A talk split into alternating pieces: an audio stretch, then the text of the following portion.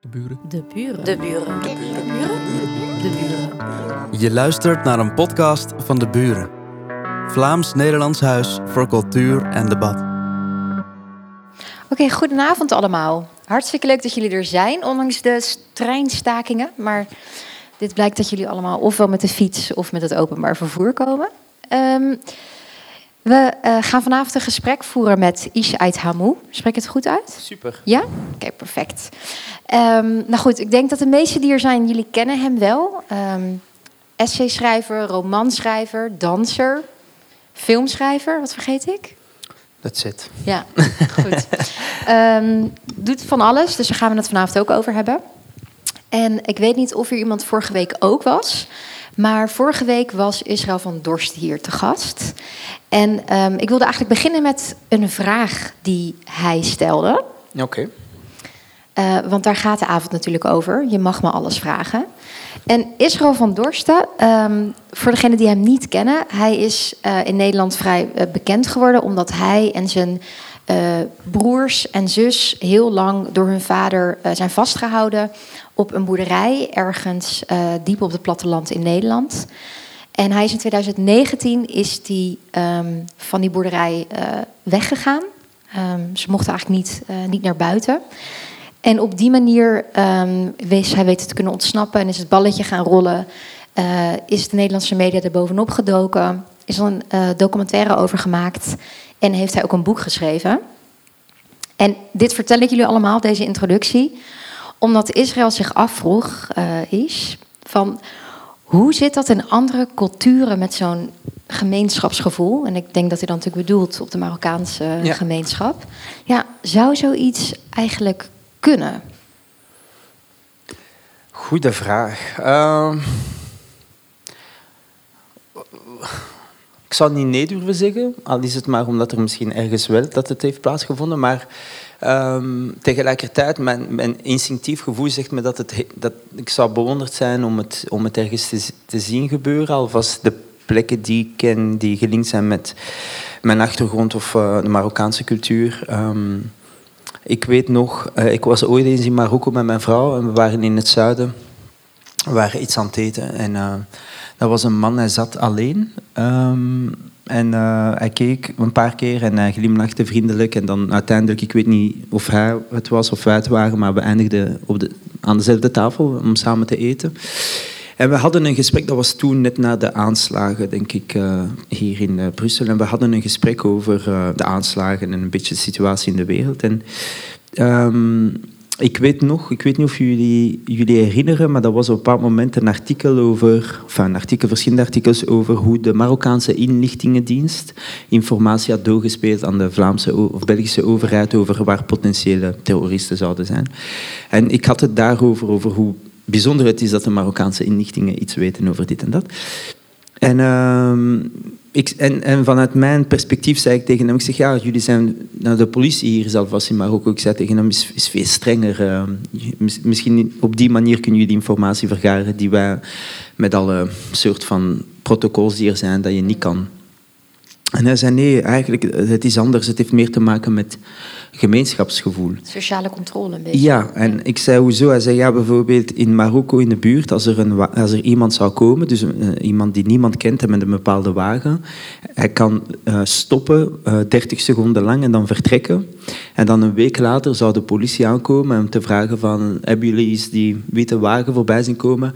En ze zouden de nummerplaat krijgen, oh ja. de man, zijn kleur van jas, en omdat dat gemeenschapsgevoel is, de buren praten veel met elkaar. En dan zeggen heb je die wagen gezien? Wie, van wie is die wagen? Ik heb die hier nooit uh, ja. zien voorbij komen. En dan de anderen zeggen, ja, maar ik denk dat hij naar daar is geweest. En dan gaan ze vragen bij de persoon bij wie is geweest. Ja, wie was die man die hier was? Dus en eigenlijk gaat er niets ongezien, bedoel jij? Ja, dat is ja. zo'n soort van... Buurten proberen dat nu te doen met zo'n WhatsApp-groep. We hebben dat zo... Ja. Hoe noemen ze dat? Buurtcontrole of zoiets? Of, uh... Ja, buurt-WhatsApp, ja. Bij Marokkaanse, Marokkanen hebben de WhatsApp al geïntegreerd in de... Het zit al in hun DNA uh, om elkaar op de hoogte te houden van wat er gebeurt in een buurt en zo. Dus dat zou me sterk verbazen dat dat, dat, dat, dat zo zoiets zou kunnen is. gebeuren. Ja. Nou, ik hoop dat Israël tevreden is met het antwoord. Um, ik zit heel veel naar achter te kijken. Debbie, nu heb ik volgens mij jouw filmpje niet aange... Wil je nog laten zien? Nee? Oké. Nou, dan gaan we nu echt beginnen met ehm, de vraag aan Ish. En ik dacht, laten we eerst een keuzespelletje doen. Dat is namelijk iets wat ik altijd met mijn lief doe als we s'avonds in bed liggen en we kunnen niet slapen. Dan zeggen we, oké, wat zou jij doen? En daarom dacht ik, als je moest kiezen, is het dan de disco De Carré in Willebroek? Of zou je gaan voor het literaire café Het Goudblommeke in Brussel? Ook al heb ik geen flauw idee wat het literaire café in Brussel... Het Een gaat- literair café. Ja, ik weet wat het is, maar ik ben er nooit naartoe geweest. Dus ik zou daarvoor kiezen, gewoonweg omdat Carré me echt niet interesseert en boeit. meer. Niet meer alvast. Ik heb genoeg gedroomd over de Carré. Dus ik zou, ik zou eerder denken een plek waar, waar ik misschien iets kan lezen of zelf kan schrijven en een koffietje kan drinken. Eh, en ook niet te veel lawaai. Nee, Nee, nee, dan is de carré niet voor jou. Nee, nee, ik merk hoe ouder ik word, hoe gevoeliger ik ben voor geluiden. Dus eh, te veel geluiden, daar word ik heel onrustig van. Oké, we zullen stil zijn vanavond. Ja, ja, ja, kan wat geluid, maar carré is intens. Oké, een avond So You Think You Can Dance met popcorn. Of het theaterfestival bezoeken. Eh, het is meer een popcorn die mij, die mij, die mij aantrekt. Dus, ehm, is het is theaterfestival? Welk theaterfestival?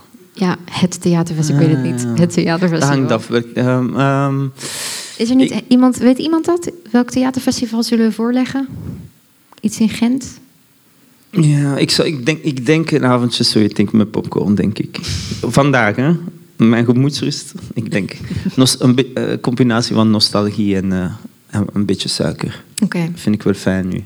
Tijdens Zoet- de winterdagen. Zoet of zout? Zoet, zoet, zoet. Zoet. Ehm, Oké, een dag op een filmset met een crew. Veel mensen, veel geluid. Dus. Of een nacht doorschrijven in je eentje. Dat is een goeie. Dat hangt af welke scène we aan het draaien zijn. Oprecht. Ik heb net een film gedraaid met mijn broer. eh, hier in Hartje Brussel. Dus een beetje alle plekken hier in Brussel. En daar waren sommige dagen en avonden dat ik echt dacht, ik wil thuis zijn. En daar waren sommige dagen en avonden dat ik dacht, dit, dit mag twee keer zo lang duren. Want waarom wil je thuis zijn dan? Omdat de, de, de, scène die je dan draait is, is niet altijd interessant, is meer tech- niet zozeer technisch, is meer... Je hebt het nodig, puzzelstukje. Je hebt het nodig, maar het is niet... eh, ja, het is het is, je, je hebt de beelden nodig, maar er is niet...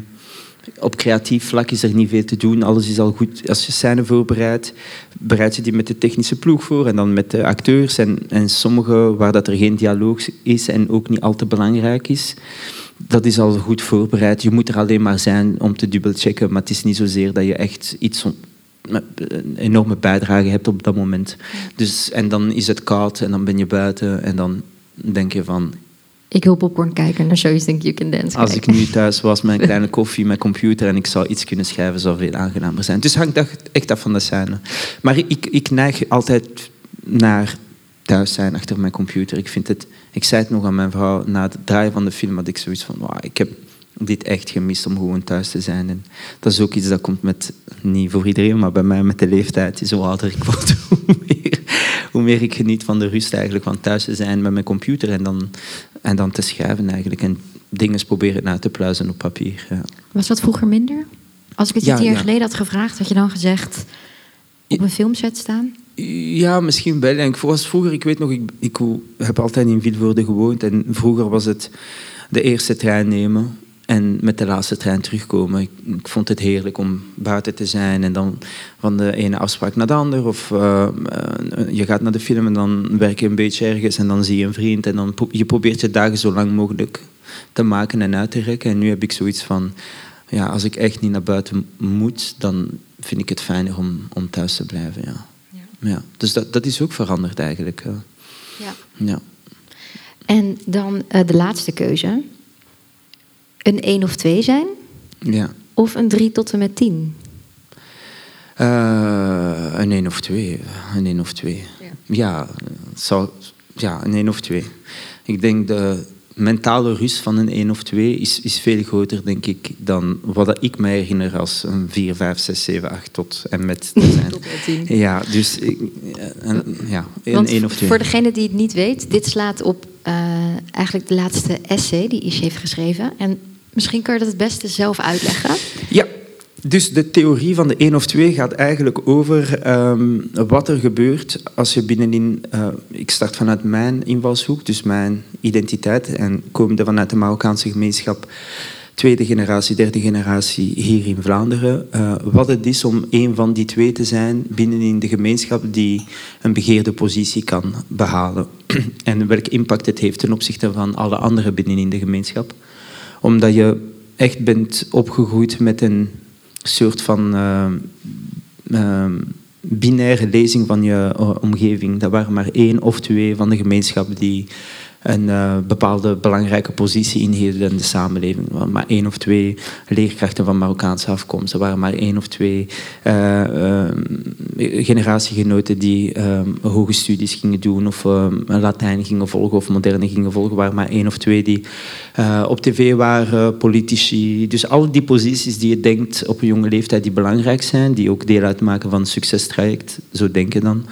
En dan, wat gebeurt er als ik dan deel 1 word? Eh, hoe verandert mijn relatie ten opzichte van eh, de mensen die niet een 1 of 2 zijn geworden? En, Ja. eh, ja. Want ik weet niet, heeft, hebben jullie het allemaal gelezen of niet? Ja, want er zit één, nou laat ik het even zeggen, scène, zo omschrijf ik het dan, in, in de essay waarin jij dus heel goed omschrijft Ja. dat je naar de carré gaat. Ja.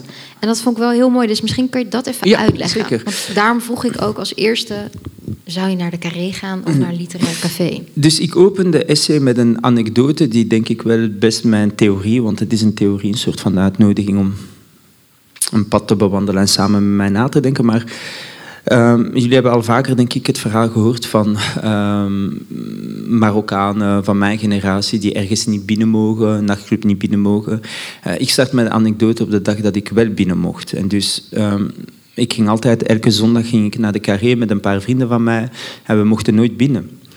Uh, maar op een zondag, op een of andere manier, mocht ik wel binnen en mijn vrienden niet. Uh, ik denk dat het. Ik probeer het ook uit te leggen dat de portier waarschijnlijk dacht dat ik hoorde bij de groep die voor mij was of zo. Is dat de laatste die toch binnen is geraakt. En, maar wat bijzonder was, is dat ik, ik keek naar mijn vrienden en zij keken naar mij zonder iets te zeggen. was een soort van pact, een soort van contract of sociaal contract. En de pact was Uh, zij gingen wachten in de wagen uh, op de parking. Ik had geen rijbewijs. Uh, maar ik moest dan een lidkaart aanmaken. Want als ik dan terugkwam met een lidkaart, dan zouden onze kansen substantieel hoger zijn de volgende keer dat we kwamen. Want vaker als je voor een portier staat, vragen ze een lidkaart. Maar dat is ook een soort van cyclus. Want je zegt, ja, je bent geen lid. Maar je zegt, ja, maar ik kan geen lid worden als ik niet eens binnen mag. En dan dat blijft zo draaien. Dus... En, um, maar het ding is, ik, ik, ging binnen en dat was, de carré was in mijn tijd was, dat was de plek. Uh, elke zondag was ook uh, hip-hopavond. Ik, ik, heb lang gedanst, we zijn opgegroeid met de hip-hopcultuur. En meer dan dat, ik denk voor uh, kinderen van migranten. We zijn ook degene die hier zijn gestart in Brussel, maar die hip-hopcultuur hebben overgebracht van Frankrijk en van de Verenigde Staten. We hebben die echt geïmporteerd hier en dat is uiteindelijk een groot ding geworden. Maar Um, ik raakte binnen en je hoort hiphopmuziek en dan zijn prachtige mensen en iedereen is aan het dansen en, de lichten. En... In zijn eentje, trouwens. Ja, ja, op mijn eentje. Dus ik ben aan het ontdekken en ik denk, ja, dit is ongelooflijk. Dit is eigenlijk alles wat ik altijd uh, wou beleven. Uh, want voordien was het altijd in mijn verbeelding van iedereen ging naar de carré, maar jij raakte er niet in. En dus um, ik had mijn lidkaart aangemaakt en ik kwam terug. En we waren allemaal blij toen we naar huis gingen, want we dachten, ah, volgende zondag gaan we er allemaal binnen geraken, want we hebben nu een lidkaart. Nu, met elke dag, mijn vrienden herinnerden me, ah, zondag, we gaan zondag gaan, we gaan zondag gaan. Uh, maar elke dag dat voorbij ging, werd mijn angst steeds maar groter en groter, want ik dacht van, als ik volgende keer met mijn vrienden aankom en met mijn lidkaart, gaan ze mijn lidkaart afnemen. Ze gaan denken dat er een vergissing is gebeurd en dus uh, ga ik terug eigenlijk... Uh, mijn toegang verliezen tot die ene plek. En elke zondag had ik dan een excuus. Ik, ik ben ziek, ik kan niet. Um, en dan na een tijdje was het duidelijk voor mijn vrienden en voor mezelf dat het meer was dan ziekte of ik moet mijn moeder helpen. Uh, maar natuurlijk, je zegt niets aan, el uh, aan, elkaar daarover, omdat het komt met een gevoel van schaamte. En, vaak uit je die niet al te makkelijk. En ik heb en ik ben dan weken later op mijn eentje terug eens kunnen gaan. Uh, toen het niet meer een idee was om met z'n allen te gaan. Want dat was iets van mijn levenservaring hier. Was, was duidelijk, uh, als het ging over de carré, maar ook heel veel andere plekken die losstaan van uh, entertainment. maar vond je dat dan leuk in je eentje? ja. Ah. Ja, je bent er en je luistert naar muziek en je danst een beetje. En, Um, en je bent op de plek waar je graag zou willen zijn. Um, maar één ding was me duidelijk op, op, dat leeftijd, was dat ze zouden ons nooit toegang aan allemaal geven. Het was of iemand of niemand. Um, en dus voilà. En dat is de anekdote waarmee ik start en dat ik heb gemerkt dat eigenlijk heel vaak en overal een beetje eenzelfde soort van stramien is. is uh, daar is een bepaalde angst als je een positie hebt en dat zijn de verwachtingen van alle andere mensen die hopen dat je nu hun realiteit gaat veranderen. Maar jij bent bezig met je eigen angsten uh, in die positie en meer dan dat, je bent altijd bang dat je gaat vervangen worden door de volgende, want het, het, zijn er meestal maar één of twee en niet een drie, vier, vijf, zes. Dus, uh... Ik zat wel te denken, dat is op zich best wel vaak zo, toch? Niet alleen bij een migratiegemeenschap. Ik denk dat iedereen, omdat het gaat over, uh, uh, eigenlijk over quota's, als het gaat over cijfers. En dus naar gelang de context waar je zit, de omgeving waar je zit, is. En ook uh, hoe dat je bent opgegroeid um, vanuit um, welke perspectief je kijkt naar je buitenwereld. dus bij ons is die één of twee heeft altijd plaatsgevonden, waardoor dat je alles kijkt vanuit een bril van angst naar een gebrek aan ruimte, dat er potentieel is. Zelfs soms als er wel ruimte is, is dat vaak je eerste reflex, de angst dat er geen ruimte voor jou zal zijn. En soms blijkt dat er wel ruimte is en soms is het zo dat er geen ruimte is. Maar, uh, uh, maar ik weet nog toen ik, ik was jurylid van So You Think You Can Dance. Ja, daar wilde ik net naar vragen. Nu, dat was natuurlijk, je hebt maar vier juryzetels. Maar um, ik kende mensen die mij bijvoorbeeld uh, hun cv uh, meegaven en ze zeiden ja, geef ze aan de, aan de productie, want ik zou graag ook eens willen proberen. Of, uh, om te dansen? om jurylid te zijn. Om jurylid te zijn. Of, als, en dus, ik nam ze aan, maar ik dacht altijd, als ik jouw cv doorgeef, dan als er iemand vervangen zal worden, ben ik. dan ben ik het. Ja. Ik, Jan gaan ze niet vervangen. Uh, Dijn gaan ze niet vervangen. Eugenia, zij is zelf een één of twee als vrouw. Uh, dus wat deed je met dat cv? Uh, aannemen en dan zeggen van, nou, ik ga kijken wat ik kan doen en dan niets doen. ja, precies. Maar dat is, en daarom, daarom heb ik de essay geschreven, omdat wij weten het allemaal onderling, maar we praten er niet over. En de, de, de de, de essay is een uitnodiging om te praten, omdat het beste wat je op zo'n moment kan doen is uitleggen.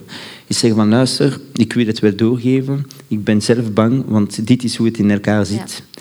Ja. Uh, ik ben er pas, maar uh, dat betekent niet dat, we, dat je niet met iets kan helpen of dat we niet iets kunnen starten of dat, we, dat je op een andere manier gaat nadenken over hoe dat je iets samen kan doen of hoe dat je elkaar kan helpen. Maar de, de, schaamte komt vaak met, ah ja, ik zal, ik zal zien wat ik kan doen. En dan zit je eigenlijk vast met één, het schuldgevoel dat je hebt ten opzichte van wie je om hulp heeft gevraagd. Anderzijds de angsten om vervangen te worden. Want ik keek altijd naar, de, naar de, de stoel waarop ik zat. Voor mij was het eh, Marco Geris, Filipijn. Voor hem was het Brahim, Marokkaan. Oh, dus je zag dus het patroon al. Ik, ik, zag, ik zag die één vervangen, dus ik wist de andere stoelen gaan niet vervangen worden. Die, dat, is, dat is die ene stoel waar ja. ik op pas. Uh, en dus dat speelt in je hoofd en dan probeer je zo goed mogelijk te navigeren. En je maakt ontzettend, ik, ontzettend veel fouten, ook redeneringsfouten, communicatiefouten. Uh, je weet niet zo goed je hebt geen blueprint. Je weet niet zo goed hoe dat je er best mee omgaat. Ja, want daar gaan we het zo over hebben. Maar was de So You Think You Can Dance, was dat het moment waarop je dacht... nu ben ik een één of een twee? Uh, of was het al eerder? Mm, mm, mm, ik weet niet precies wanneer het was dat ik echt. Ik weet niet of ik een zo'n moment had van. enfin, op dit moment weet ik niet zo goed of er, of er echt een heel duidelijk specifiek moment was dat ik dacht van ja, ik ben, ik ben een uh, één of twee. Misschien is het. Uh, ik denk toen mensen die ik niet kende, ja, dat was het misschien. Toen ik merkte dat mensen die ik niet kende lief waren. Ja, zoals? Gewoon vriendelijk, heel, heel vriendelijk, heel lief waren ten opzichte van mezelf. Toen misschien dacht ik, in mijn hoofd begon, begon ik te denken van, ah oké, okay, ik, ik denk, jullie hebben daar een term voor in Nederland, wij minder hier, maar ik dacht in mijn hoofd, ik denk dat ik de knuffel Marokkaan ben geworden. Ah, op die manier. Ja, ja, ja. Ja. Als mensen heel lief waren, die ik niet kende eigenlijk. Ja. Uh... Al is onze knuffel Marokkaan niet meer zo knuffelbaar, maar ja. Dat is waar. Ik hoef het niet uit te leggen. Lang, lang geleden, denk ik. Dat was nieuws een paar jaar geleden, maar inderdaad. Dat was, uh... maar ik denk dat dat misschien... Uh... Misschien dat dat het was, omdat ja, ik ben altijd in veel woorden gebleven. Dus niet alleen ik hoorde, ik zag ook. En, en de, het verschil van gedrag ten opzichte van anderen die ze even, even, die ze even goed niet kenden, bij wijze van spreken. Ja, en wat is dan bijvoorbeeld het, het, het meest opvallende of misschien wat meest vervelende wat jou in die tijd ook is gevraagd? Hè? Want je legt ook uit heel goed in je essay van, nou ja, ineens verwachten mensen van alles, willen ze van alles van je? Van wie precies? Van de mensen die misschien een drie tot en met tien zijn en jou als één of twee zien. Vervelend niet. Het is alleen maar vervelend als je het niet kan inlossen. Maar de vragen op zich zijn heel legitiem. Hm. Um, het zijn vragen die ik misschien zelf zou stellen, maar het gaat echt van, van iemand die een appartement moet huren en die je vraagt om mee te komen, omdat ah, ze denken dat hun kansen substantieel hoger zullen zijn als er iemand is die uh, herkenbaar is, uh, een soort van uh, garantie kan bieden dat, dat jij als verhuurder een goed persoon bent die ja. zijn afspraken nagaat. Want werk per associatie, als ze jou zien als, een, als de knuffel maar ook aan bij wijze van spreken, de goede, ja, dan zal zijn omgeving ook goed zijn. Dus naar de bank voor een lening. Voor, Echt? Ja, Echt? Ja, Heb je dat de, gedaan? Ja, van de, naar de bank voor een lening. dus en dat vind, je, dat, is, dat vind je dus niet gek, want dat is vrij gebruikelijk dan? In... Het is niet dat het gebruikelijk is. Ik, ik, ik, ik snap de realiteit in de welke we zitten. Dus ik, ik, Heeft diegene die hypotheek gekregen? Hm? Heeft diegene die hypotheek gekregen? Uh, eentje wel, eentje niet. Ja. ja. Maar dus ik snap wel... Ik snap de realiteit van zaken, dus ik, ik, denk te weten, niet voor iedereen, maar een beetje wat de gedragspatronen zijn. Natuurlijk, ik schrijf verhalen, ik ben constant bezig met personages, dus grotendeels van mijn werk is constant nadenken over hoe mensen reageren, hoe mensen uh, opereren. Dus ik, ik, ik, snap volledig de, ik snap volledig de vraag eigenlijk. En heb jij dan nu het gevoel dat jij hier ook zit als knuffel Marokkaan? Want jij bent ook wel degene die eh, vaak naar voren wordt geschoven als het gaat over de Marokkaanse gemeenschap hier in België. Ik denk hoe, hoe um, uh, hoe, niet, hoe meer tijd voorbij gaat, hoe minder dat, dat gevoel dat ik heb. Omdat hoe meer tijd voorbij gaat, hoe minder aanwezig ik ben. Wat bedoel je daarmee? Uh, vroeger was ik heel aanwezig op uh, tv. Ah, echt, nu is veel minder. Nu is, is eigenlijk wanneer ik een werkstuk heb en ik heb een boek. Dus mensen horen mij niet al te vaak tussendoor, waardoor dat, dat gevoel. Ik, in mijn hoofd heb ik meer. het gaat steeds meer over de inhoud. Ehm, van je werk? Van werk, niet, niet uh, ja, voilà, van mijn werk of van, van, of van mijn verhaal of van mijn essay. Dus er is veel meer reflectie over dat stuk. Vroeger was dat meer, dat is die ene. Ja. Uh, en die heeft geschreven, of die heeft dit gedaan. Ja, of die heeft, uh, dus uh, dat verandert, omdat ik vroeger echt... Ja, ik deed veel televisie en veel radio en veel... Dus mensen kennen jou, veel mensen kennen jou, maar weten ook precies niet zo goed wat je doet eigenlijk. dat, is, dat was een beetje... Ik had dat met dansen. Er was heel veel mensen die mij heel vaak complimenten gaven toen ik zo, denk ik, een dans deed, bijvoorbeeld als jurylid. Ja, je bent een geweldige danser, dit en dat. En ik, ik vroeg me altijd af van, hoe weet je dat? Er was weinig te vinden uh, van dans online van mij. Want ja, je zit in de jury, je bent niet aan het dansen. Ja, en, en online was er echt weinig, weinig te vinden. Denk je dat um, voor de mensen jij een één of een twee bent vanwege je danswerk of van, vanwege je schrijf- en filmwerk? Dat verandert ook. Hè. Ik, Mm. hoe, ik, ik eh, dans al acht jaar niet meer. Eh, nu, daar is een, een generatie, dat zijn mensen die mij kennen van So You Think You Can Dance. Maar als ik af en toe lezing geef, een lezing geef op school bijvoorbeeld, steeds meer weten niet dat ik dans eigenlijk. Die kennen me van de leeslijst op school. Ah ja. En, eh, Leeslijst. ja, dus, en dan nodigen ze de auteur uit en dan ben ik daar en dan, en dan kijken ze mij, maar ze hebben geen flauw idee wie ik ben. Ja. Eh, en dan, als ik iets zeg over dansen, dan denk ik, ah, ah maar die danst. En, dus dat verandert ook eigenlijk. eh. maar ja, een programma zoals So You Think You Can Dance was... In de hoogtepunten, elke zondag, sommige jaren was, ja, waren Nederland en Vlaanderen meer dan een miljoen, twee miljoen mensen die er naar keken. Dus dat heeft natuurlijk wel een impact. Groot publiek. Ja, ja, ja, groot publiek. Maar nu, hè, ook alles wat je zegt, en ik, ik dat heb je ook zo geïntroduceerd. Ik denk de hele tijd, ja, ten eerste, waar hou jij je tijd vandaan? Dat sowieso. Waar hou je de tijd van om dit allemaal te doen? Zelfde plek als jou. We, eh, ehm, ja, ik, ik, ik vind... eh, er is genoeg tijd eigenlijk. vind ik. Er is best wel genoeg tijd. Ja? Ja, en ik moet zeggen, ik heb drie kinderen. En. Ze hebben me echt er geleerd om heel efficiënt te zijn met mijn tijd. Hm. Ik heb nog nooit zoveel gedaan en geschreven en kunnen verwezenlijken dan de laatste drie, vier jaar eigenlijk, of vijf jaar. Hoe kan dat dan? Omdat je kinderen je echt leren om efficiënt te zijn met je tijd. Vroeger, voordat ik kinderen had, je bent een auteur, je weet niet zo goed wat dat betekent. Het, is, het gaat meer om de creativiteit, meer wanneer je zin hebt, meer wanneer je geïnspireerd bent. Ja, want creativiteit, ik bedoel, dat laat zich niet heel efficiënt in een tijdslot plaatsen, toch? Maar je kan altijd verder werken. Eh, Ook al wanneer je je niet creatief voelt. Of, eh, er is altijd wel iets dat je kan doen, eh, vind ik. Dus eh, vroeger rekende ik veel meer op mijn, mijn creatieve vermogen. En nu reken ik veel meer op gewoon het doen. Gewoon, gewoon doen, gewoon werken. En ehm, als je niet creatief bent, dan zal het misschien ietsjes langer duren, maar je kan wel heel wat gaan verwezenlijken. Ehm, maar ik geloofde vroeger in de mythe van ik moet, eh, ik moet in de zone zijn, ik, ja, moet, ja. ik moet daar ergens zijn. Ik weet niet wat daar is, maar ik moet het voelen. Ik moet, maar ik moet eigenlijk niks. Ik moet gewoon gaan werken. Ik moet achter mijn computer en ik moet schrijven en ik moet herlezen. Nu en ik moet moet... het tussen de kinderen naar school brengen en weer ophalen gebeuren. Precies, en dat is zes Mm. uur. Ja. Dus je hebt eh 8 uur 30 afzetten, je bent thuis om 9 uur ongeveer. En dan eh, altijd eerst een koffietje en ik kijk naar de basket, de highlights van de NBA. Ik ben grote fan, dat is ook een half uur. Dat is 9 uur 30. En je start op, je begint met je mails, die komen binnen hier en daar. En dan echt 10 uur begint het. En dan eh er is een lunchpauze tussen.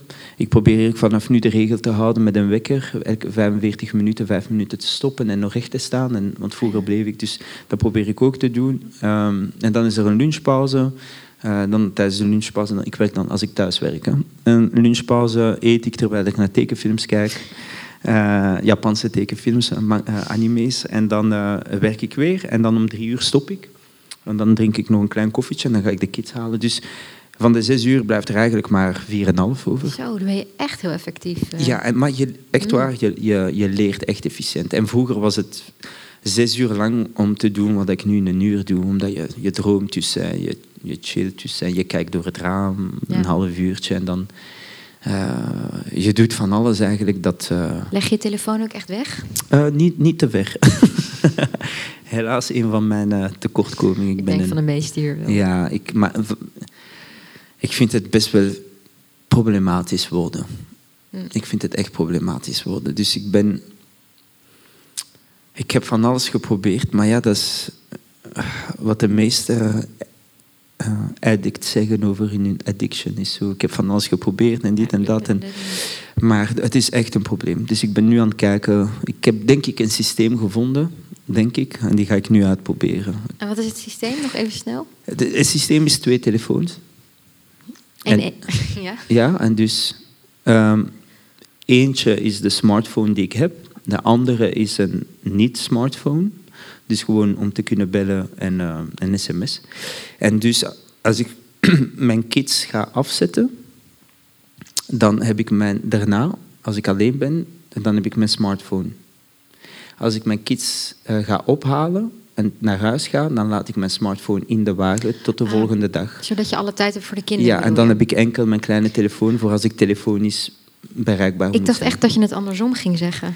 Dus dat je dan tijdens het werken niet de smartphone hebt. En dan... Nee, nee, nee, Oh, ja. nee. Omdat het probleem voor mij is niet zozeer tijdens het werk, is meer dat in het bijzijn van mijn kinderen, Ja. dat ik van alles mis omdat ik onbewust op mijn telefoon ben. Soms merk ik dat mijn zoontje vijf keer papa heeft geroepen, geroepen of papa zegt voordat ik wakker schiet. Ah, ja, Eh, zo van die... Ja. Dat baart me meer zorgen dat het in de weg komt te staan van een pagina of twee Ja. dat ik bezig ben. Dus Hey, en wat mij ook opviel, hè, want ik heb natuurlijk gekeken naar alles wat je hebt gedaan. En toen dacht ik ook met het boek over de theorie van de één of twee ernaast, dacht ik, zit er bij jou ook niet echt een enorme presta- prestatiedrang of druk? Dat je zoveel wil doen en, en misschien moet doen van jezelf. Ja, waarschijnlijk wel. Hè. Waarschijnlijk wel. Ehm, hoogstwaarschijnlijk wel.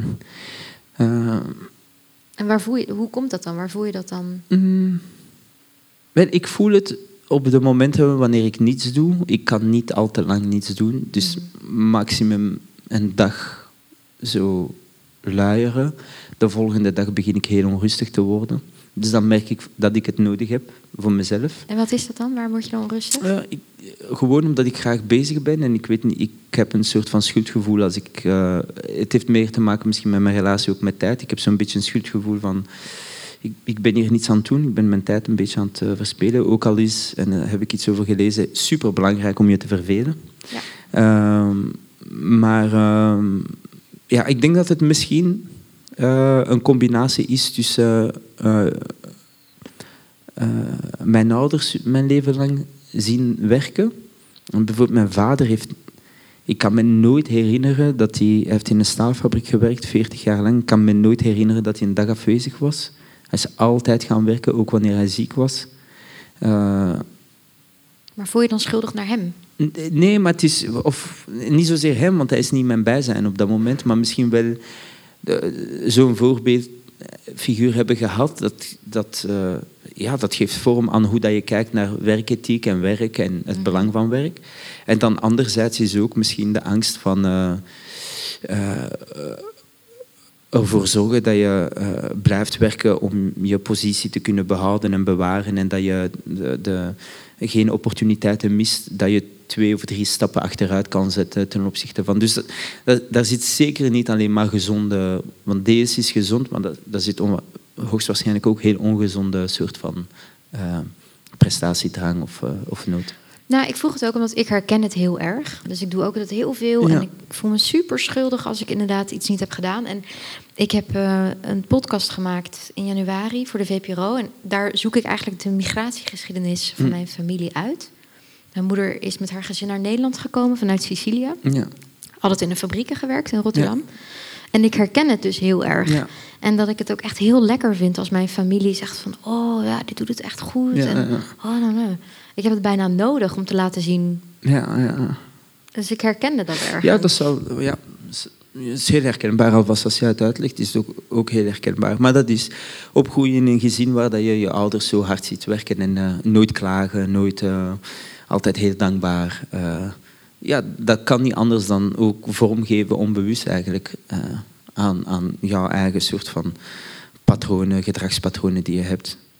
Dus ja, ik zeg altijd, ik doe het heel graag. Dat zal misschien onderliggende redenen hebben, maar vandaag is het wel omge enfin, omgetoven. Vanda het is wel een gevoel van genot. Ik geniet van het, van het werken en het hard werken. En, en- Oh ja, terwijl Ja. ik juist heb geleerd dat ik het echt heel lekker kan vinden om gewoon een avond series te kijken en even niet iets te moeten. ja, dat, ik heb dat ook, maar kort.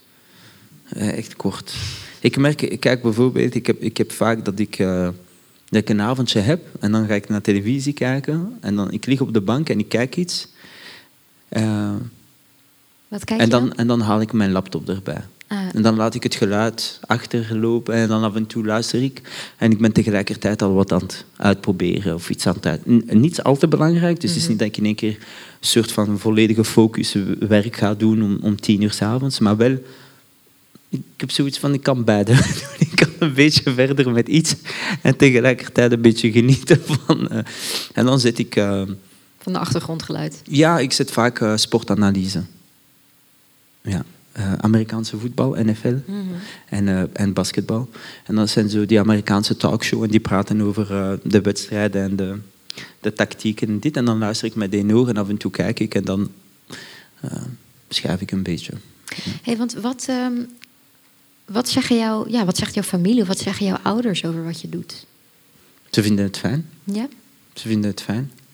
Ehm, maar veel zeggen ze er niet over. Nee, dat vind ik dus ook zo herkenbaar. Ja, veel zeggen ze er niet over. We hebben af en toe wel gesprekken. Ik ben ook niet iemand die vaak eh, iets vertelt. Oh, nou, dat, dat ja, oprecht. Maar hoe komt dat dan? Is het uit... Nee, geen specifieke reden. Alvast het is altijd een soort van gewoonte geweest om... eh, eh, ja, om, om niet al te veel te vertellen over werk eigenlijk. Dus ik, ik leg wel af en toe iets uit als er iets benoemd moet worden. Als ik een boek ga publiceren. Of als ik, eh, maar bijvoorbeeld, ik ga niet uitleggen van ah, ik ben bezig met een boek en ik, ik ben hierheen en ik ben aan het twijfelen daarover. Of, Nee, waarom niet? Nee, nee. Dat is mijn eigen proces. Dat heb ik ook met niemand. Niet met mijn vrouw, niet met mijn, niet, niet, niet met mijn vrienden, niet met... eh, een van mijn beste, beste, beste, beste, beste vrienden met wie, met wie ik heb samengedanst, met wie dat ik ontzettend veel heb gedaan, die bijvoorbeeld met de film script, hij heeft die gelezen, ik denk twee maanden voordat we begonnen met draaien. Hij wist wel dat we bezig waren met het financieren van de film, dit en dat, maar ik had nooit... Wat deed hij dan eh, met die film? Hij is co-producent uiteindelijk geworden, maar... eh, Het is toch wel belangrijk dat hij weet waar Ja, maar dat was op het, dus hij, hij heeft het eigenlijk gelezen vanaf het moment dat we hadden beslist dat hij co-producent ging worden. Mm.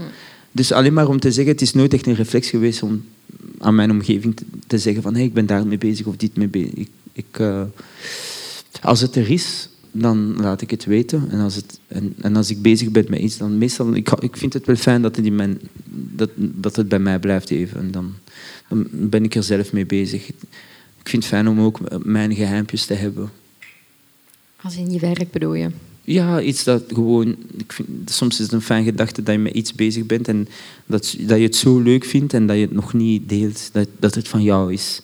Eh, en dan denk ik, wow, ik heb een heel goed verhaal, eh, maar dan hou ik het voor mezelf. Want soms, soms kan je, als, je creatief bezig bent, je kan soms met iets werken en eh, aan iets werken en dan... Het wordt plots zo belangrijk voor jou en je, je dagdroomt erover. Het maakt je gelukkig dat je de volgende dag daaraan kan werken of wat dan ook. En dan, en dan ga je delen, maar als je deelt met iemand, meestal is dat in een klein gesprekje, dit, dat. Je vindt niet altijd de juiste woorden als je het uitlegt. En dan heb je een reactie dat je zo'n beetje afkoelt. En dan heb ik zoiets van, Je wil je niet laten demotiveren. niet zozeer demotiveren, maar ik zeg, ah, dat, dat was eigenlijk heel... In eerste instantie had ik dat gesprek niet nodig. Ik heb het zo gewoon gedeeld omdat mensen, mensen zouden misschien raar vinden dat ik het niet deed, maar eigenlijk had ik het niet nodig en nu heb ik daar niet een al te fijn gevoel over. Dus dat. Hey, en het valt me ook op dat jij eh, veel samenwerkt Ja. eh, met ehm, eh, andere eh, Vlamingen of Nederlanders van Marokkaanse afkomst. Ja. Werk je liever met hen samen? Wat, wat is dat? Eh, nee, niet per se. Ik denk dat het altijd een beetje afhangt van, van waar, waar, waaraan je werkt. Ik heb eigenlijk grotendeels van mm, mijn leven gewerkt met niet-Marokkanen. Ja, dat is een goed punt. Ja, ja. en eigenlijk omdat ik geen keuze had. Ik, ben, ik was niet in een positie om te kunnen kiezen. Dus eigenlijk, mijn samenwerking vandaag lijken veel meer op hoe dat ik werd grootgebracht. Mijn omgeving, die gemixt is met van alles en nog wat. Maar ik probeer daar wel, als ik in een positie zit, probeer ik daar wel een punt van te maken voor mezelf. Niet zozeer om te zeggen van ik ga een, eh, een Marokkaan nemen om samen mee te werken. Maar het is om te, in mijn hoofd te herprogrammeren dat we even goed als niet soms beter zijn dan een ander. Maar omdat je altijd werd grootgebracht met het idee dat we niet altijd niet even goed zijn, niet, niet even sterk. Terwijl dat het eigenlijk niet een absolute waarheid is. Soms zal het wel zo zijn en op andere momenten niet. Dus ik probeer gewoon mezelf te betrappen dat ik niet die redenering heb om iets te gaan doen dat ik altijd heb gedaan, omdat het altijd zo was. Ja. Ja, want dan gaat eigenlijk de theorie van de 1 en de 2 niet echt op, hè? Hoezo? Dan, gaat die theorie juist weer niet op. Omdat je dan juist met de 1 en 2 samenkomt. Je zou ook kunnen denken, ja, straks ben ik vervangbaar als ik hen laat. gelukkig, en daarom heb ik ook de essay geschreven, ik ietsjes ouder, ietsjes eh, minder angsten. Eh, en probeer ik bepaalde zaken voor mezelf door te breken. Dus die angst zit er niet meer in van vervangen worden. Omdat ik ook nu, mijn zelfbeeld is ook veranderd ten opzichte van vroeger. Ik, Ja. ik kan meer voor mezelf ook komen en denken van, je, je kan me op welke positie ook vervangen. Je, je gaat de positie kunnen vervangen, maar je gaat mij niet kunnen vervangen. Snap je? Ik heb iets Ja, te vertellen, ik heb iets aan te bieden. Ja. Ik ben uniek op mijn manier, ik heb iets bij te dragen. En ik geloof genoeg in mezelf om een andere redenering. Vroeger was het, ah, ik ben bang voor positie, nu heb ik zoiets van, ik zal wel mijn eigen ding doen. Ja. Ik zal wel... Ik, eh, ik hoef niets. eh, ik hoef niets. Ik zal wel mijn eigen ding. En als je wilt samenwerken, des te beter, maar eh, het hoeft niet. Ja, want ehm, dat zat ik nog te bedenken. Voor wie heb jij dat boekje, De Theorie van één of twee, geschreven? Wel, ik nodig uiteraard iedereen uit. Ja. Maar het is echt in essentie geschreven voor de Marokkaanse gemeenschap. Ik start ook met mijn essay met beste broers en zussen, ook al zie ik de meeste mensen Marokkaan en niet als broers en zussen, maar eh, ik start vanuit mijn eh, identiteit, mijn levenservaring en die van mijn generatiegenoten. Maar het heeft iets eh, universeels. Ehm, en daarom vind ik het altijd een uitnodiging voor iedereen, maar het is in essentie wel geschreven. Want wat dat ik vertel in de essay, het is echt in hun ogen, en zeker die van mijn generatiegenoten, dat ik, dat ik zag wat ik voelde. Bij de anderen was het heel informatief. Van, oh wauw, dat had ik nooit zo bekeken, dat, dat wist ik nooit. Of eh, hoe bijzonder. Eh, maar in de ogen van de Marokkanen was een, iets veel dieper als ik het erover vertelde. Als ik, ik, voelde iets dat ik zelf voelde. Eh, dat is een combinatie van ontlading, schaamte, tegelijkertijd eh, verschillende emoties. En daarom vind ik het echt voor hen geschreven, specifiek, maar een uitnodiging voor iedereen. En ik vond het interessant, want iemand had het eh, gelezen. En Daarom dat ik zeg dat universeel is. Iemand had het gelezen, ehm, een autochtone Vlaming van De Kempen. De Kempen. En die zei van, had, ik, had je naam er niet op gestaan op de essay, dan zou ik zweren dat het werd geschreven door iemand vanuit de Kempen. Ah ja, waarom? Ja, omdat hetzelfde... Vroeger, voor zijn generatie is ouder dan mezelf, maar dat was hetzelfde patroon. Dat waren veel boeren, familie van boeren, het hard werken, niet veel Ja. praten over emoties. Dat waren maar één of twee die naar de grote steden gingen. Ja, en dan werd in de campen, in de doppen, werd er dan verwacht dat zij in één keer de realiteit zouden veranderen. Maar zij wilden zich loskoppelen. Tegelijkertijd is de zoektocht in de stad en wie ze zijn en, en fricties. En, en, en, en, eh, dus dat, dat, Heel herkenbaar voor iedereen natuurlijk. Heel herkenbaar. Ja. Dus ik, daarom dat ik zeg, het is soms, ehm, eh, soms denken mensen als het specifiek is voor een bepaalde. Of als je zegt dat het specifiek is, of het is voor hen, of het is met hen in gedachten geschreven. eh, wat mensen vaak eh, mislopen, is dat verhalen universeel zijn. Er is een universaliteit in wat dat je vertelt en ook in de, in de menselijke levenservaring. En, ehm, en je hoopt natuurlijk altijd dat mensen over die hun eigen grenzen zullen gaan en, en, en inzien dat er voor iedereen iets is. Je kijkt naar bepaalde films bijvoorbeeld. Ik had een film uit Kazachstan in, een, in zo'n dorpje over een thema, een, een, een traditie eh, waar dat je op papier niets aan hebt, bij wijze van spreken. Maar als je dan de tijd neemt om te zien, dan ga je merken dat het, dat het eigenlijk in de kern gaat. De vorm is iets dat je niet begrijpt en dan is het informatief. Je leert over een traditie, over een cultuur. Maar dan in de kern ga je zien... Het gaat over de relatie tussen vader of zoon, of het gaat over liefde, of het gaat over eh, zelfvertrouwen, of het gaat over eh, de dood, of het leven, of vriendschap. Dus die thema's eh, zijn, zijn, de kern van de thema's zijn altijd hetzelfde. Hey, weet je waar ik ook aan moest denken? Ehm, misschien hebben jullie het allemaal wel meegekregen dat in eh, Nederland ehm, de PVV de grootste partij is geworden bij de verkiezingen onlangs. Dat hebben we meegekregen. Ja. Wij zitten te wachten Ja. op juni. Nou ja, precies. En ehm, op een gegeven moment, eh, al vrij snel na de verkiezingen, eh, deed het verhaal de ronde, wat overigens helemaal niet bewezen is. Ehm, En volgens berekeningen ook helemaal niet klopt. Maar wat de hele tijd werd gezegd was dat ook heel veel ehm, niet-autochtonen en moslims op Geert Wilders Ja. gestemd zou hebben. Kan je daar iets bij voorstellen? En ik vraag het ook een beetje oeh, met die theorie van de een of de twee in, in gedachten. Nu natuurlijk, ik weet niet wat het discours is van de Wilders daar. Enfin, behalve een paar uitspraken die tot hier zijn gekomen. Ja. Maar in die zin, ik weet niet wat de andere discours zouden zijn die het misschien wel aantrekkelijk zouden kunnen maken voor sommige mensen. Maar ik kan me niet inbeelden dat je da- dan nog kan... Ik, ik- ja. Het, het blijft een vraag. Als het zo is, is het voor mij een vraagstuk van hoe dat je dan... Wat denk je dan dat er gaat veranderen in jouw voordeel? En in een, want meestal als je stemt, is dat... enfin, niet iedereen stemt vanuit een gemeenschapsgevoel.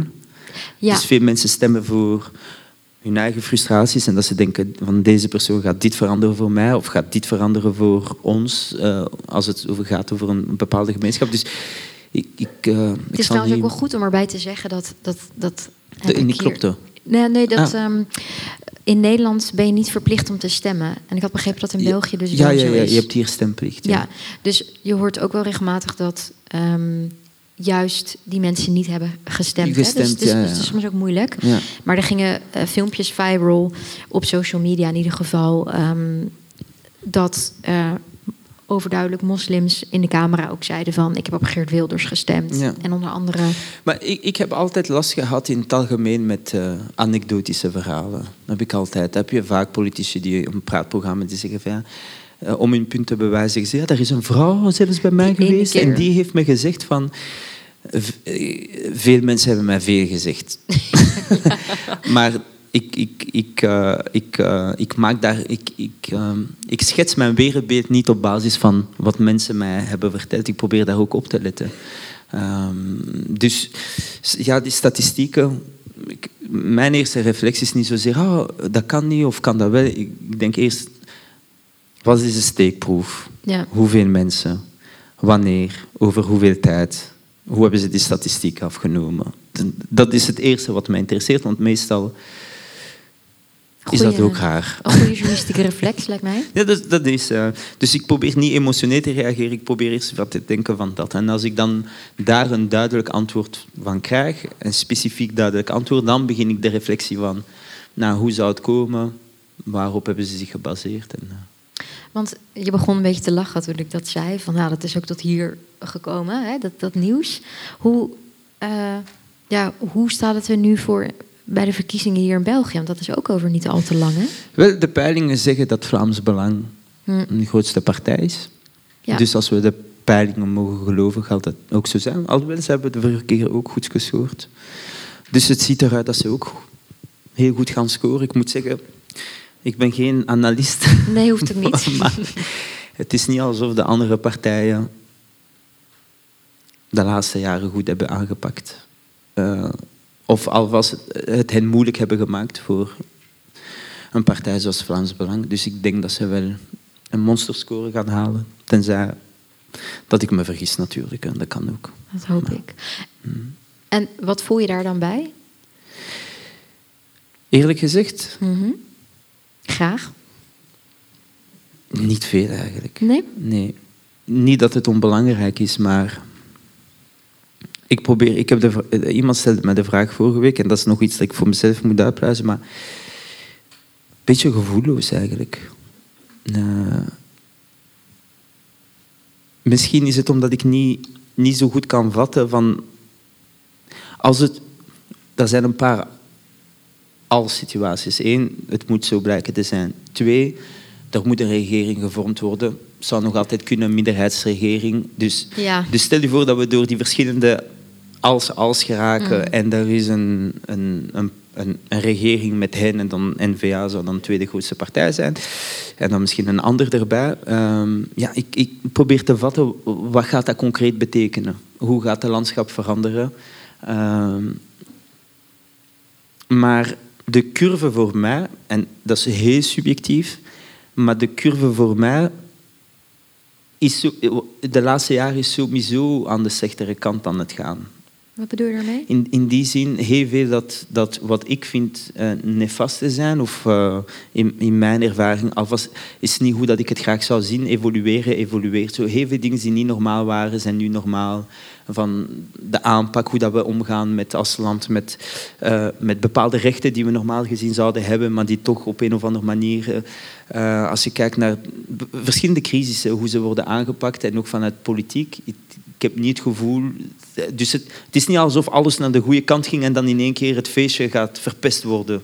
Want dat was al een tijdje aan het. Ja, oh, ik, de curve gaat stil, Hmm. is stilletjes aan. En misschien is het vanaf het moment dat ik me daarin een beetje interesseerde, dat ik denk van. Er zijn zoveel dingen aan het gebeuren in de wereld. En als ik kijk hoe dat we daar tegenover opstaan, als het gaat over empathisch vermogen, als het gaat over uh, gedeelde verantwoordelijkheid, als het gaat is zo. Ik heb niet het gevoel dat het de juiste kant op gaat. En dus. Uh, en ben je dan niet als, als schrijver hè, geneigd? Ik heb dat namelijk wel als, als uh, documentaire en podcastmaker. Dat ik denk, ah, nu wordt het vuur in mij wel aangewakkerd om juist andere verhalen te gaan vertellen. En om te laten zien waarom het voor mijn gevoel dat is een niet goeie, de Dat is een goede vraag. Dat is eigenlijk een goede vraag, omdat het misschien iets beantwoordt. Ik, ik zeg vaak aan de, aan de, aan de mensen... Um, ik had een interview met een jonge dame die cartoons tekent en, en prachtige verhalen vertelt. En zij is 25 en we hadden het over haar vuur en mijn vuur. En ik zeg, ik heb een klein vlammetje. Hm. Uh, en ik vind het fijn om haar te zien die echt vurig bezig is met van alles en activisme en dit en dat. Maar is dat altijd je, een klein vlammetje geweest dan? Ja, omdat je zegt, heb, heb, heb je dat de aanwakkert, uh, heb je dat vuur dat aanwakkert? Mijn vuur is al 36 jaar heel hard aan het branden. Hm. Snap je? En waardoor dat ik dat vandaag uh, kleiner is, omdat het al zo lang leeft. Over andere verhalen gesproken, ik heb mijn leven toegewijd om ruimte te kunnen creëren om andere verhalen te vertellen. Ik weet nog toen ik Cecile heb uitgebracht, dat is een auteur die ik niet zal noemen, maar die openlijk in, op de radio zei, kritiek had over mijn verhaal. En zijn kritiekpunt was, ja, alle Marokkanen zijn goed in het verhaal en de, de slechterikken zijn de mensen een beetje van het westen, want het gaat over een klein jongetje van het zuiden van Marokko, die doorreist naar het noorden, naar Spanje, naar Frankrijk. En die, eigenlijk een prachtig verhaal, dat, dat, dat, dat helemaal niet gaat over de, wie slechterik niet. Het gaat over dat zijn goede mensen en slechte mensen. Um, maar die het zo heeft kunnen reduceren. Uh, maar het, het, mijn, uh, het, het, de andere verhalen vertellen is niet zozeer vanuit ik wil een ander verhaal vertellen, maar tegelijkertijd ook het mooiste dat we delen. Het had een film kunnen zijn, het had wat, maar het moest voor mij een boek worden. Het was heel belangrijk dat het een boek was, dat het op, op een school en uiteindelijk op de schoollijst is beland, dat het deel uitmaakte van een literaire landschap, omdat, er niet, omdat ze er, niet waren. En dat, dat was geen nalatenschap voor mijn kinderen, bij wijze van spreken. Ja. Dus mijn gevoelloos gevoel over bijvoorbeeld de verkiezing is niet zozeer vanuit een, een mépris of het interesseert mij niet meer. Het is meer een soort van vermoeidheid. Mijn leven lang uh, heb ik, ben ik ontvanger geweest van... Toen ik zes, zeven jaar was en ik, ik, liep naar school met mijn moeder, dat was de grootste affiche die je ooit kon bedenken van het Vlaams Blok. Was het dus, dat is Vlaams Belang van vroeger, was het Vlaams Blok. En dat was een vliegtuig met Royal Air Maroc en stond, uh, ga terug naar je land en dit en dat. Dus ja. niet dat ik geen fijne mensen heb ontmoet, want ik heb ongelooflijk, ongelooflijk niet alleen maar fijne, maar belangrijke mensen ontmoet in mijn leven die autochtone Vlamingen waren en die mij hebben geholpen tot het punt waar ik was. Maar als het gaat over samenleving, als het gaat over de sfeer, als het gaat over...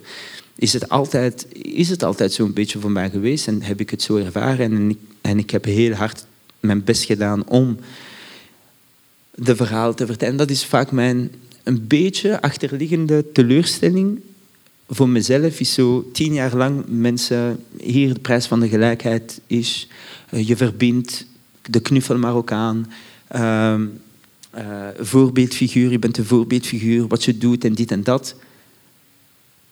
En dan zie ik in de peilingen... Ja. Snap je wat ik bedoel? Ja. Is zo...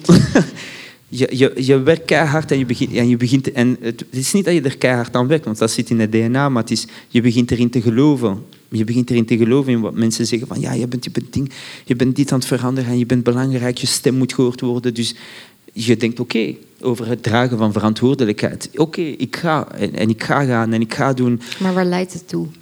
En dan is de score nog nooit zo hoog geweest. Ja. En dan heb je zoiets van... Uh, niet zozeer dat het hoeft niet meer, maar dan heb je wel een gevoelloos gevoel. En dan denk je van zo... Ik ga me gewoon focussen op, uh, op mijn kids. Ja, en de dingen maken die jij wil. Ja, en, en ervoor zorgen dat zij, ze zijn met drie, en, en, en probeer ervoor te zorgen dat zij zo goed voorbereid zijn voor, voor het leven in het algemeen. En, uh, voilà. Ik uh, ga de laatste vraag stellen. Dan kunnen jullie nog vragen stellen voordat het uur om is. Als jij je kinderen, ik weet niet, ik denk niet dat ze al de uitgaansleeftijd hebben, maar als zij voor de carré in Willebroek staan op zondagavond, wat zou je dan tegen ze willen zeggen? Dan denk ik dat ik zou zeggen van wanneer wil je gaan? En dan gaan ze me een datum geven en dan ga ik zeggen, ik zorg ervoor dat je op de lijst staat. Geweldig. Voilà. Dankjewel. um, ik heb nog tijd voor een paar vragen uit het publiek. Ik had um, een vraag, maar het is een beetje vaag, uh, over... Heb je de druk nu nog altijd van... Door, je, je bent nu schrijver, maar heb je die druk nog altijd van... Ik ben een voorbeeld. Of is het nu van... va, er zijn verschillende mensen met Marokkaanse afkomst die ook schrijven? Of voel je de druk nu nog altijd? Uh, een beetje, maar niet zoveel als vroeger. Uh, een beetje, één, omdat we met, met, meer zijn in het algemeen, die of een platform hebben of naar wordt geluisterd. Of, uh, dus waardoor dat ik zoiets heb van het, het, het, is al ietsjes meer verdeeld. Ik hoef, het niet, ik hoef niet rond te lopen met het schuldgevoel als ik het niet doe. Mm -hmm. En dan tegelijkertijd, zoals ik daarnet zei, als je wat ouder wordt en je gaat door een paar zaken door in het leven, leer je ook omgaan met schuldgevoel en ook omgaan met het aanvaarden van wat je kan en wat je niet kan en wat je talenten zijn en wat ze niet zijn. En, ik, um, en dus je, je, je, je vindt rust eigenlijk in wat dat je kan doen en wat dat je kiest te doen. En vroeger was ik veel bezig met wat ben ik niet aan het doen? Um, wat ben ik niet aan het doen dat ik zou kunnen doen? Of wat ben ik niet aan het doen dat andere mensen willen dat ik doe? Stel ik teleur? Stel ik hen teleur? Stel ik mijn gemeenschap teleur? Stel ik deze teleur omdat ik, omdat ik mijn platform... Dat is vaak iets dat je ah, waarom praat je niet over dit? Of waarom zeg je niet over dat? Of waarom probeer je niet te, te doen? Maar uh, je hebt je eigen ervaringen. En soms, soms, en dat is heel belangrijk, moet je mensen ook tijd kunnen geven om door hun ervaringen te gaan en dan op een punt te geraken waar dat ze misschien wel iets kunnen betekenen of, of niet. Dat is een heel belangrijke, enfin, belangrijke. We hadden het daarnet over Dave Chappelle, dat is een comedian. En hij had het over uh, Colin Kaepernick, dat is een Amerikaanse, Afro-Amerikaanse NFL-speler. En dat was een heel gedoe in Amerika, omdat hij tijdens de uh, nationale volkslied ging die op één knie zitten als protest eigenlijk. Uh. En dat was een heel ding. Sommigen zeiden dat is, dat is racisme. En anyways, en die heeft zijn, was zijn job kwijt. En, en uh, Dave Chappelle had het eigenlijk over het steunen. Uh, en eigenlijk gaat het over het steunen van anderen. de druk voelen van zeg je iets, doe je iets. En hij zei, en dat is me altijd bijgebleven, hij zei... Mensen zoals de Colin Kaepernick, die moet je steunen als ze voor iets staan. En mensen die niet zoals hem zijn, moet je kunnen vergeven als ze het niet kunnen doen. En dat is me altijd bijgebleven, omdat niet iedereen heeft het in zich om op de barricade te gaan staan. Over sommige onderwerpen wel, andere niet. Over sommige on uh, onderwerpen is er een voorgeschiedenis dat ervoor zorgt dat ze niet kunnen, niet durven, niet de informatie hebben, niet de kennis. Dat zijn, het is zo complex eigenlijk. Een mens is zo complex met de leeftijd begin je dan te snappen van oké, sommige zaken kan ik doen en ik heb nu vrede met de zaken die ik niet kan doen. Ook al zou ik ze willen doen, maar die ik niet gewoon niet kan doen. Ik heb nog één vraag. Ja. En dat was, allez, ik ben zelf ook Marokkaan, of Marokkaanse afkomst. En um, dat is bij ons redelijk moeilijk om nee te zeggen. En dus, zoals u al zei daar straks met een cv dat iemand u gaf, um, hoe reageerde de familie erbij? Want u zei, ik spreek nu vaak met mijn ouders over, over carrière en zo verder.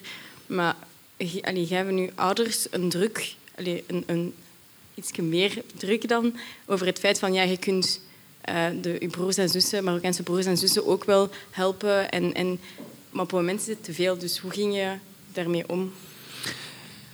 Um, uh, ja, omdat zelfs wanneer het niet gezegd wordt, is dat tussen de lijnen in, omdat we allemaal vanuit een soortzelfde plek komen. Dus dat is ook de verwachting die er is, ook al wordt dat niet verbaal gezegd. Uh, maar je hebt bijvoorbeeld mijn mama die af en toe gaat zeggen van ah, de, de zoon van haar vriendin of de zoon uh, van die is op zoek, is er iets dat je kan doen, of die is op zoek naar een appartement, is er geen bezoekje die je kan doen. Uh, dus ja, wat je zegt, en ik denk dat dat het allerbelangrijkste is, wat dat wij in ons hebben, is dat we niet nee kunnen zeggen. Wij zeggen altijd ja en we nemen het vaak te veel. Ik weet nog, toen ik jonger was, wij gingen in Vilvoorde, de uh, ons gemeentehuis, was enkel en nog altijd Nederlands, Nederlandstalig. Dus de, ook al sprak je Frans, ze begrepen het, maar ze antwoordden altijd in het Nederlands. En dus heel vaak uh, wij waren maar een paar in de buurt die naar een Nederlandstalige school ging. Dus je, je bevond je al op achtjarige leeftijd, negenjarige leeftijd.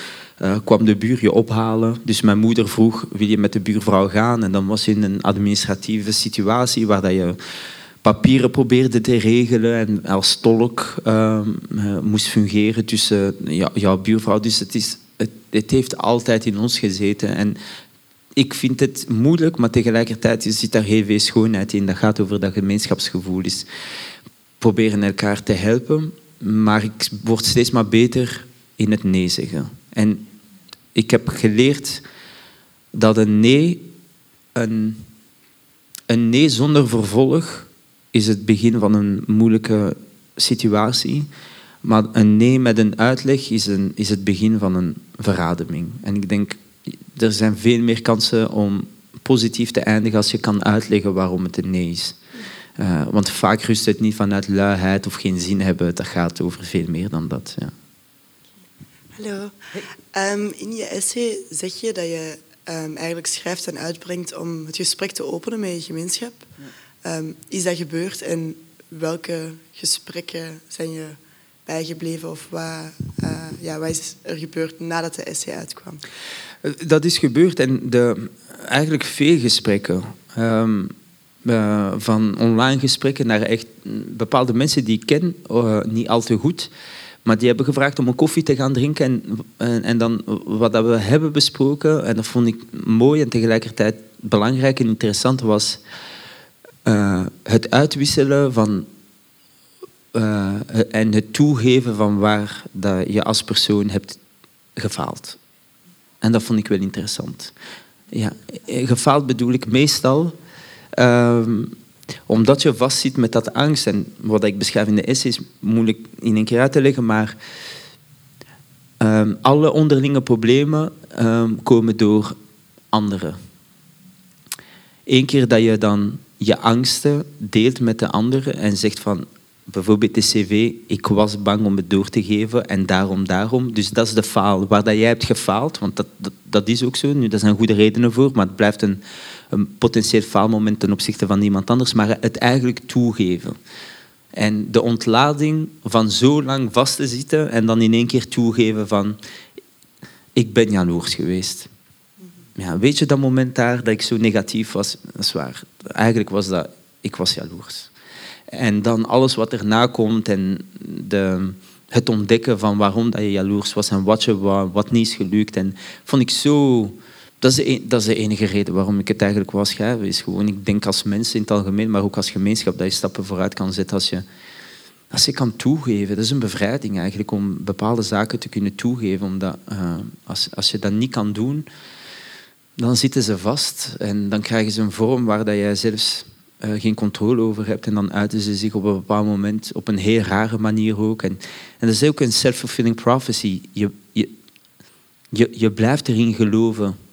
Uh, als je bijvoorbeeld als iets jaloers, als je jaloers was en je, je steekt het op iets anders, omdat jaloers zijn komt met een gevoel van schaamte, dan blijf je geloven dat het niet jaloersheid was. Dat was dat andere ding. En dat andere ding wordt steeds maar groter en groter en groter, terwijl je het eigenlijk op dat was het niet. Uh, dus dat vond, ik een, dat vond ik heel interessante gesprekken. Is hoe dat we dan in één keer heel luchtig konden zeggen van ja, oef, ik was jaloers op Of ja, dat, dat. En, en, uh, en plots is het, niet zo, is het niet meer zo zwaar. Dat is het eigenlijk. Plots is het niet meer zo zwaar. En dan uh, kan het leiden naar fijne, fijne gesprekken.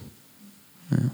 Heb je ook negatieve reacties gekregen uit de gemeenschap? Want je zit ook wel ergens een soort van... Het zijn geen mooie gevoelens per se waar je het over hebt. Het is ook wel iets kwetsbaar dat je meedeelt van je gemeenschap. Heel. Zijn er mensen die zoiets hebben van...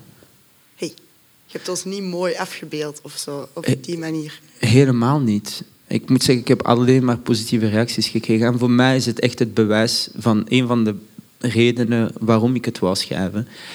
Omdat ik niet geloof dat het in ons zit om negatief te zijn ten opzichte van elkaar. En ik denk het kunnen verwoorden en voor mensen het kunnen lezen en dan zij die misschien niet de juiste woorden kunnen vinden om het gevoel te kunnen verwoorden en dan hebben een gevoel van ontlading. Dus het is... Uh, ik denk dat we als gemeenschap, met wat we hebben meegemaakt, en met wat we hebben meegemaakt, bedoel ik, de context in de welke wij hebben gezeten, is ook, het is ook een sociaal experiment. Ik bedoel, dat was nooit een, lang, een lange termijn project, zowel in Nederland als in België, toen ze een akkoord hadden met Marokko om mensen te, komen, te laten komen werken. Het was niet een goed nagedacht lange termijn project. Dat was iets dat normaal gezien tijdelijk moest duren. Veel mensen dachten dat ze terug moesten en dan is dat niet zo gebeurd. Dus je maakt eigenlijk een beetje deel van een sociaal experiment waar alles ter plekke uitgepluist moet worden en dan bepaalde moeilijkheden naar boven komen en dan een oplossing op moet vinden en dit en dat. En binnenin die hele schakel zijn wij als generatie tussengekomen die onze ouders hebben opgevolgd, maar de eerste generatie die hier is geboren. Dus die spreekt de taal niet, uh, die mijn ouders niet begrepen. En dan, dat was zo'n grote zoektocht dat dat heel beladen is. En dus stilte was een van de manieren om er doorheen te geraken. En uh, de essay is, is het de stilte een stem geven. En ik denk dat het automatisch ervoor zorgt dat de mensen die deel uitmaken van de gemeenschap ook zin hebben om hun stem te delen. Dus tot nu toe alleen maar positief. En het is geen publiciteitsstunt, ik beloof het jou. Dank je wel. Uh, hoe kom je erbij om je uit te drukken in het Nederlands? Kwam dat automatisch van, het is ook je moedertaal niet? Ja, uh, nee, het is niet mijn moedertaal. Uh, ik ben uh, opgegroeid met de Arabische en de Franse taal. Ik heb Nederlands geleerd op school eigenlijk. Ehm, Nederlands is mijn. Eh, hoe leg ik dat uit?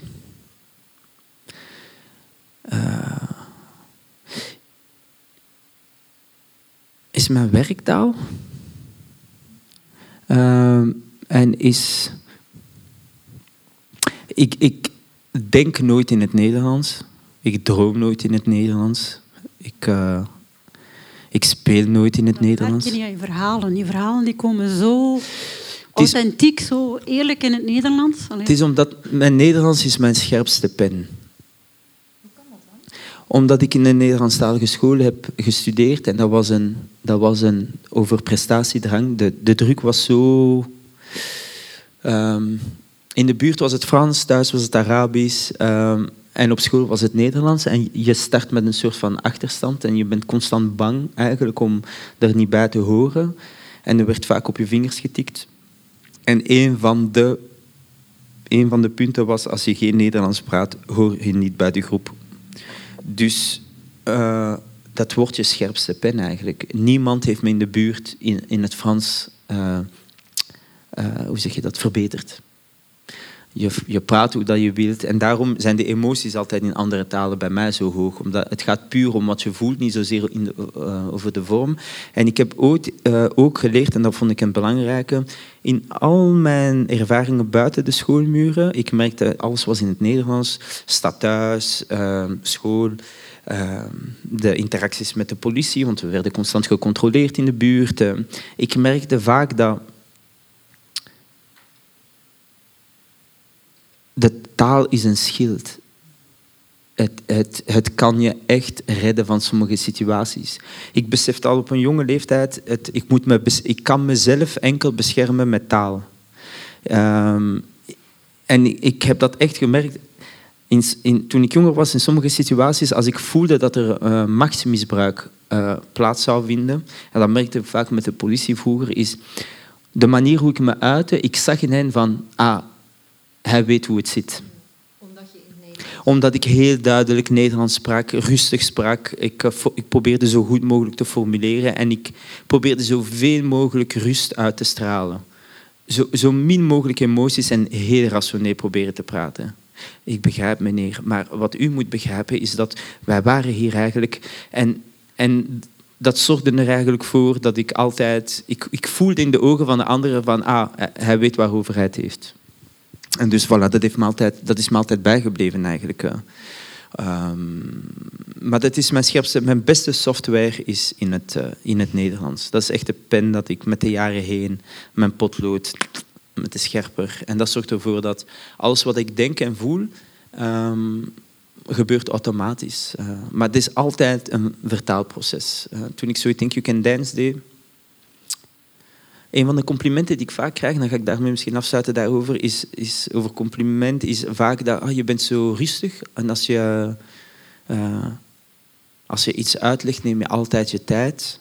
En uh, wat mensen niet snappen is, ik ben gewoon aan het vertalen.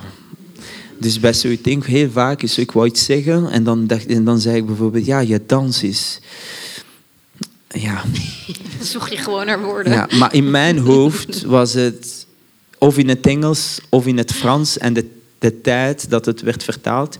Nu, de software heeft updates gekregen, dus de tijd is steeds maar kleiner en kleiner, dus het gebeurt best wel vloeiend. Maar in het begin was het echt, echt een vertaalproces in mijn hoofd altijd. Het werkwoord komt daar, dit en deze zin, dat is het de, het lidwoord, dit, dat. Uh, maar eigenlijk... Uh, de chaos van binnen. is weinig rust. het vertalen gaat steeds sneller, zo te horen, toch? Het, wordt, het gaat steeds wat beter. Um, ja, we moeten afsluiten. Uh, en wat, ja, je bent wel de laatste van deze reeks. Uh, je mag me alles vragen. Ja. Maar ik heb begrepen dat begin volgend jaar starten we met een uh, Nederlandse journalist, ja. Jeroen van Bergijk. Voor degenen die hem niet kennen, um, hij is dus journalist en hij heeft bij uh, bedrijven als Uber en uh, Bol.com is hij undercover gegaan. En daar heeft hij dus lange tijd uh, meegelopen om te zien hoe het in dat soort bedrijven eraan toe gaat. en dan echt undercover als inpakker of chauffeur. En dus aan jou de vraag: wat zou jij van hem willen weten? Welke vraag zou je willen formuleren? Um, ik denk wat ik graag zou willen weten is van al die bedrijven uh, die hij heeft uh, bezocht of uh, bijgewerkt undercover. Wat is, de, wat is de gemeenschappelijke noemer van elk? Dus wat heeft hij in elk bedrijf gezien waarvan hij denkt van als dat, als mensen wisten, dan zouden ze misschien niet meer kopen daar. Maar dat, dat hij echt overal. Dat dat deel uitmaakt van een systeem eerder dan gewoon een één bedrijfscultuur. Maar dat het deel uitmaakt van een systeem van zo die grote multinationals ja. of grote bedrijven. Hij zegt van oké, okay, dat heb ik overal gezien. En als je dat zou weten, dan zou je misschien bij de lokale handelaar gaan. Dat wil ik wel eens weten. We gaan het hem vragen, begin volgend jaar. Dank je wel. Ik zal wachten op een antwoord. een applaus voor Ish Aitamour. Thanks.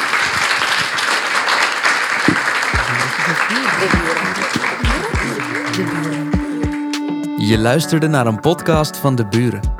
Vlaams-Nederlands Huis voor Cultuur en Debat. Benieuwd naar meer? Luister ook naar onze andere verhalen en registraties. En ontdek ons podiumprogramma op deburen.eu.